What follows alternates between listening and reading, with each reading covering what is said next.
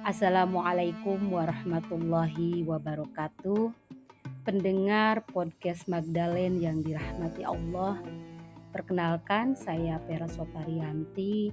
Saat ini saya dipercaya sebagai direktur di Perhimpunan Rahima yaitu sebuah organisasi yang berfokus pada pendidikan dan informasi terkait dengan Islam dan hak-hak perempuan.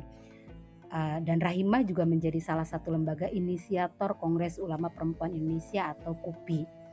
Saya juga saat ini menjadi anggota Majelis Musyawarah KUPI dan Wakil Ketua Lembaga Kemaslahatan Keluarga Nahdlatul Ulama di Kabupaten Bogor. Saya dibesarkan dalam pengasuhan keluarga yang egaliter, tidak membedakan anak laki-laki dan perempuan saya adalah anak kedua dari empat bersaudara, dua laki-laki dan dua perempuan. Keluarga saya juga moderat dalam menjalankan agama. Ayah saya seorang penceramah atau mubalik yang cukup dikenal di kampung, anak seorang kiai. Sedangkan ibu seorang perempuan yang ulet bekerja dan aktif berorganisasi. Ibu berjualan, merias pengantin, juga sebagai ketua muslimat di kampung. Sejak kecil kami diberikan kebebasan. Kami dibebaskan memilih ingin berkerudung atau tidak, dibebaskan memilih sekolah, sampai memilih pasangan hidup. Bapak dan ibu sangat kompak kalau anak-anaknya harus sarjana, meski uh, mereka hanya lulusan sekolah dasar ibu dan bapak yang begitu kompak mendidik anak dan memberikan kebebasan berangkat dari pengalaman yang pahit mereka. Bapak saya adalah anak korban poligami ayahnya, sehingga ia harus diasuh oleh nenek. Sementara ibu adalah anak korban perceraian orang tuanya. Orang tua kami tidak ingin anak-anaknya merasakan apa yang mereka rasakan ketika kecil, mulai dari pengasuhan dan pendidikan saya merasakan betul dukungan orang tua pada pendidikan kami dan kasih sayang mereka.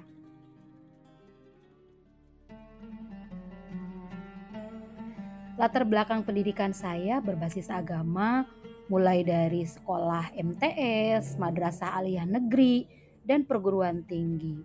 Saya bersekolah di Madrasah Aliyah Tasikmalaya sambil juga mondok di pesantren Hidayatul Ulum Awipari. Kemudian saya melanjutkan kuliah jurusan Pendidikan Agama Islam di Institut Agama Islam Ibrahimi di bawah naungan pesantren besar yakni Pesantren Salafiyah Syafi'iyah Situbondo. Saat berkuliah saya juga mengikuti pendidikan di Ma'had Alinya. Saya mulai menyadari ada persoalan ketika saya pertama kali mondok. Saat di pondok, saya diajarkan kitab-kitab fikih, membahas relasi laki-laki dan perempuan, relasi suami istri di dalam keluarga. Salah satu kitab yang diajarkan adalah kitab Ukudulujen karya Syekh Imam Nawawi Al-Bantani. Kitab ini menjadi salah satu kitab wajib di pondok khususnya bagi santri putri.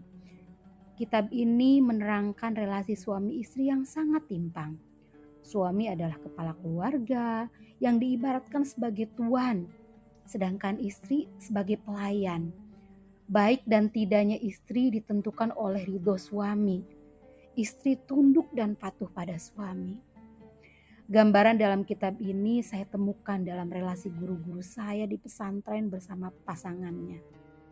Ibu Nyai begitu tunduk dan patuh pada suami, meski secara keilmuan lebih tinggi dari suaminya.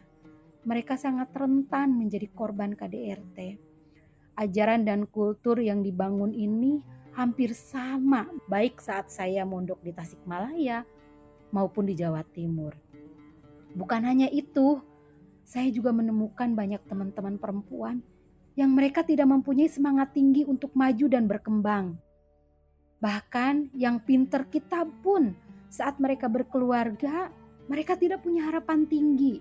Mondok sering kali hanya mengisi waktu longgar sebelum mereka dipinang Bahkan saya punya teman dekat yang harapannya hanya ingin dinikahi oleh kiai, menjadi istri kedua atau kesekian dengan mengharap barokah. Pikiran dan hati saya berkecamuk. Mengapa perempuan berbeda dengan laki-laki? Laki-laki punya kesempatan untuk mewujudkan mimpinya yang besar, sementara perempuan sebaliknya. Bahkan ketika menikah, semua mimpinya terhenti. Apakah ajaran yang dipraktikkan oleh orang tua saya benar atau salah? Saya takut kalau ibu saya itu berdosa karena ibu sangat aktif dan memberi pengaruh besar dalam keluarga, terutama di dalam pengambilan keputusan. Selepas kuliah, saya dipertemukan dengan guru-guru saya yang bisa menjawab semua kegelisahan saya. Saya belajar secara langsung dan membaca karya-karya beliau, seperti karya Kiai Hussein Muhammad, Pak Kiai Fakhruddin Abdul Qadir, Profesor Nasaruddin Umar, Bunyainur Rofiah, dan masih banyak guru saya yang lainnya, terutama dalam lingkar jaringan Kongres Ulama Perempuan Indonesia.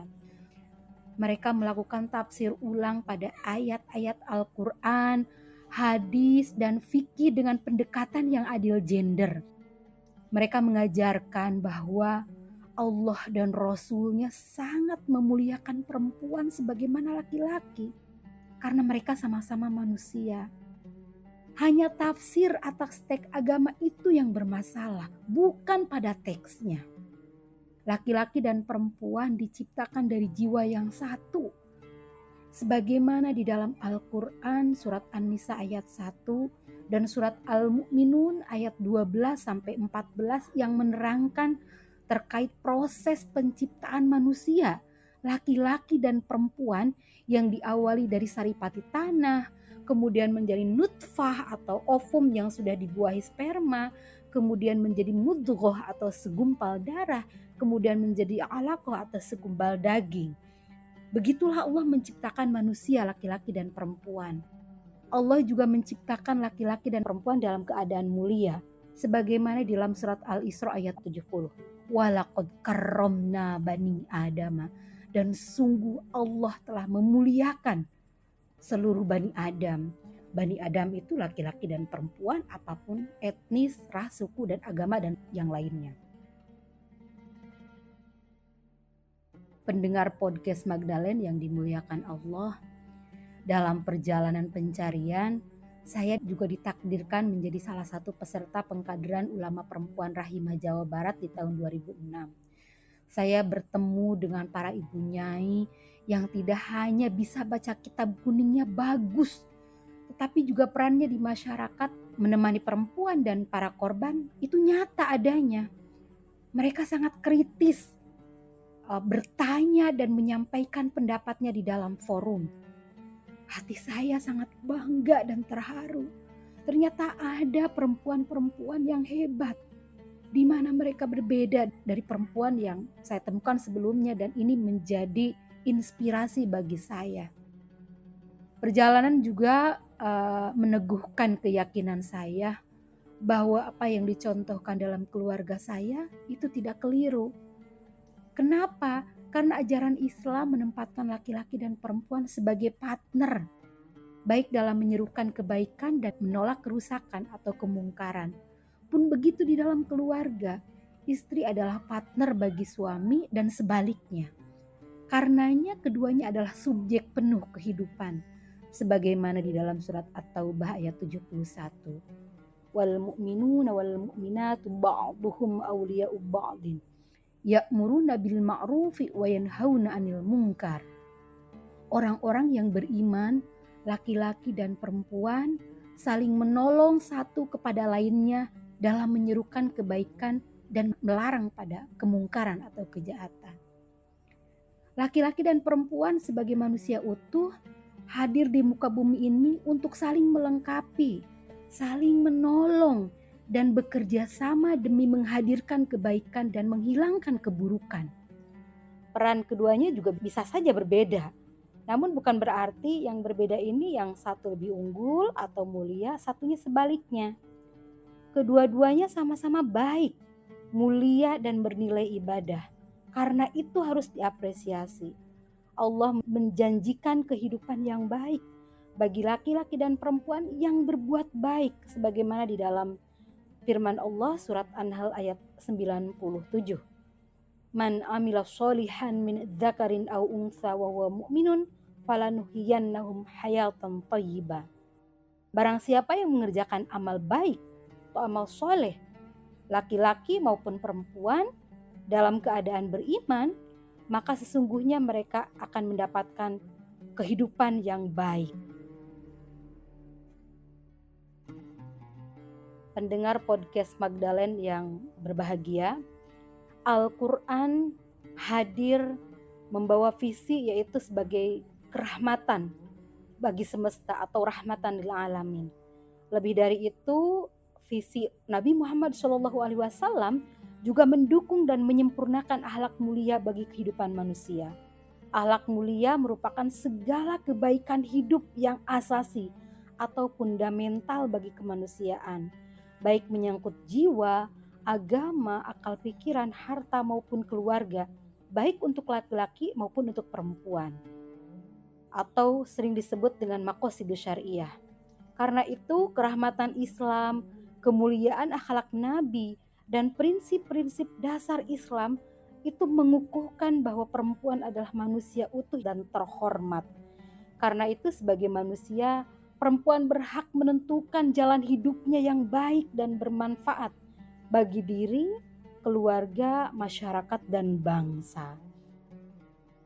Demikian tadabur Ramadan hari ini bersama Magdalene.co.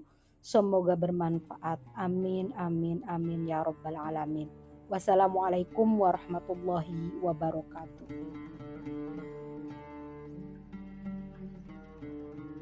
Tadabur Ramadan bersama Jaringan Kongres Ulama Perempuan Indonesia adalah produksi Magdalene didukung oleh Kementerian Komunikasi dan Informatika Republik Indonesia.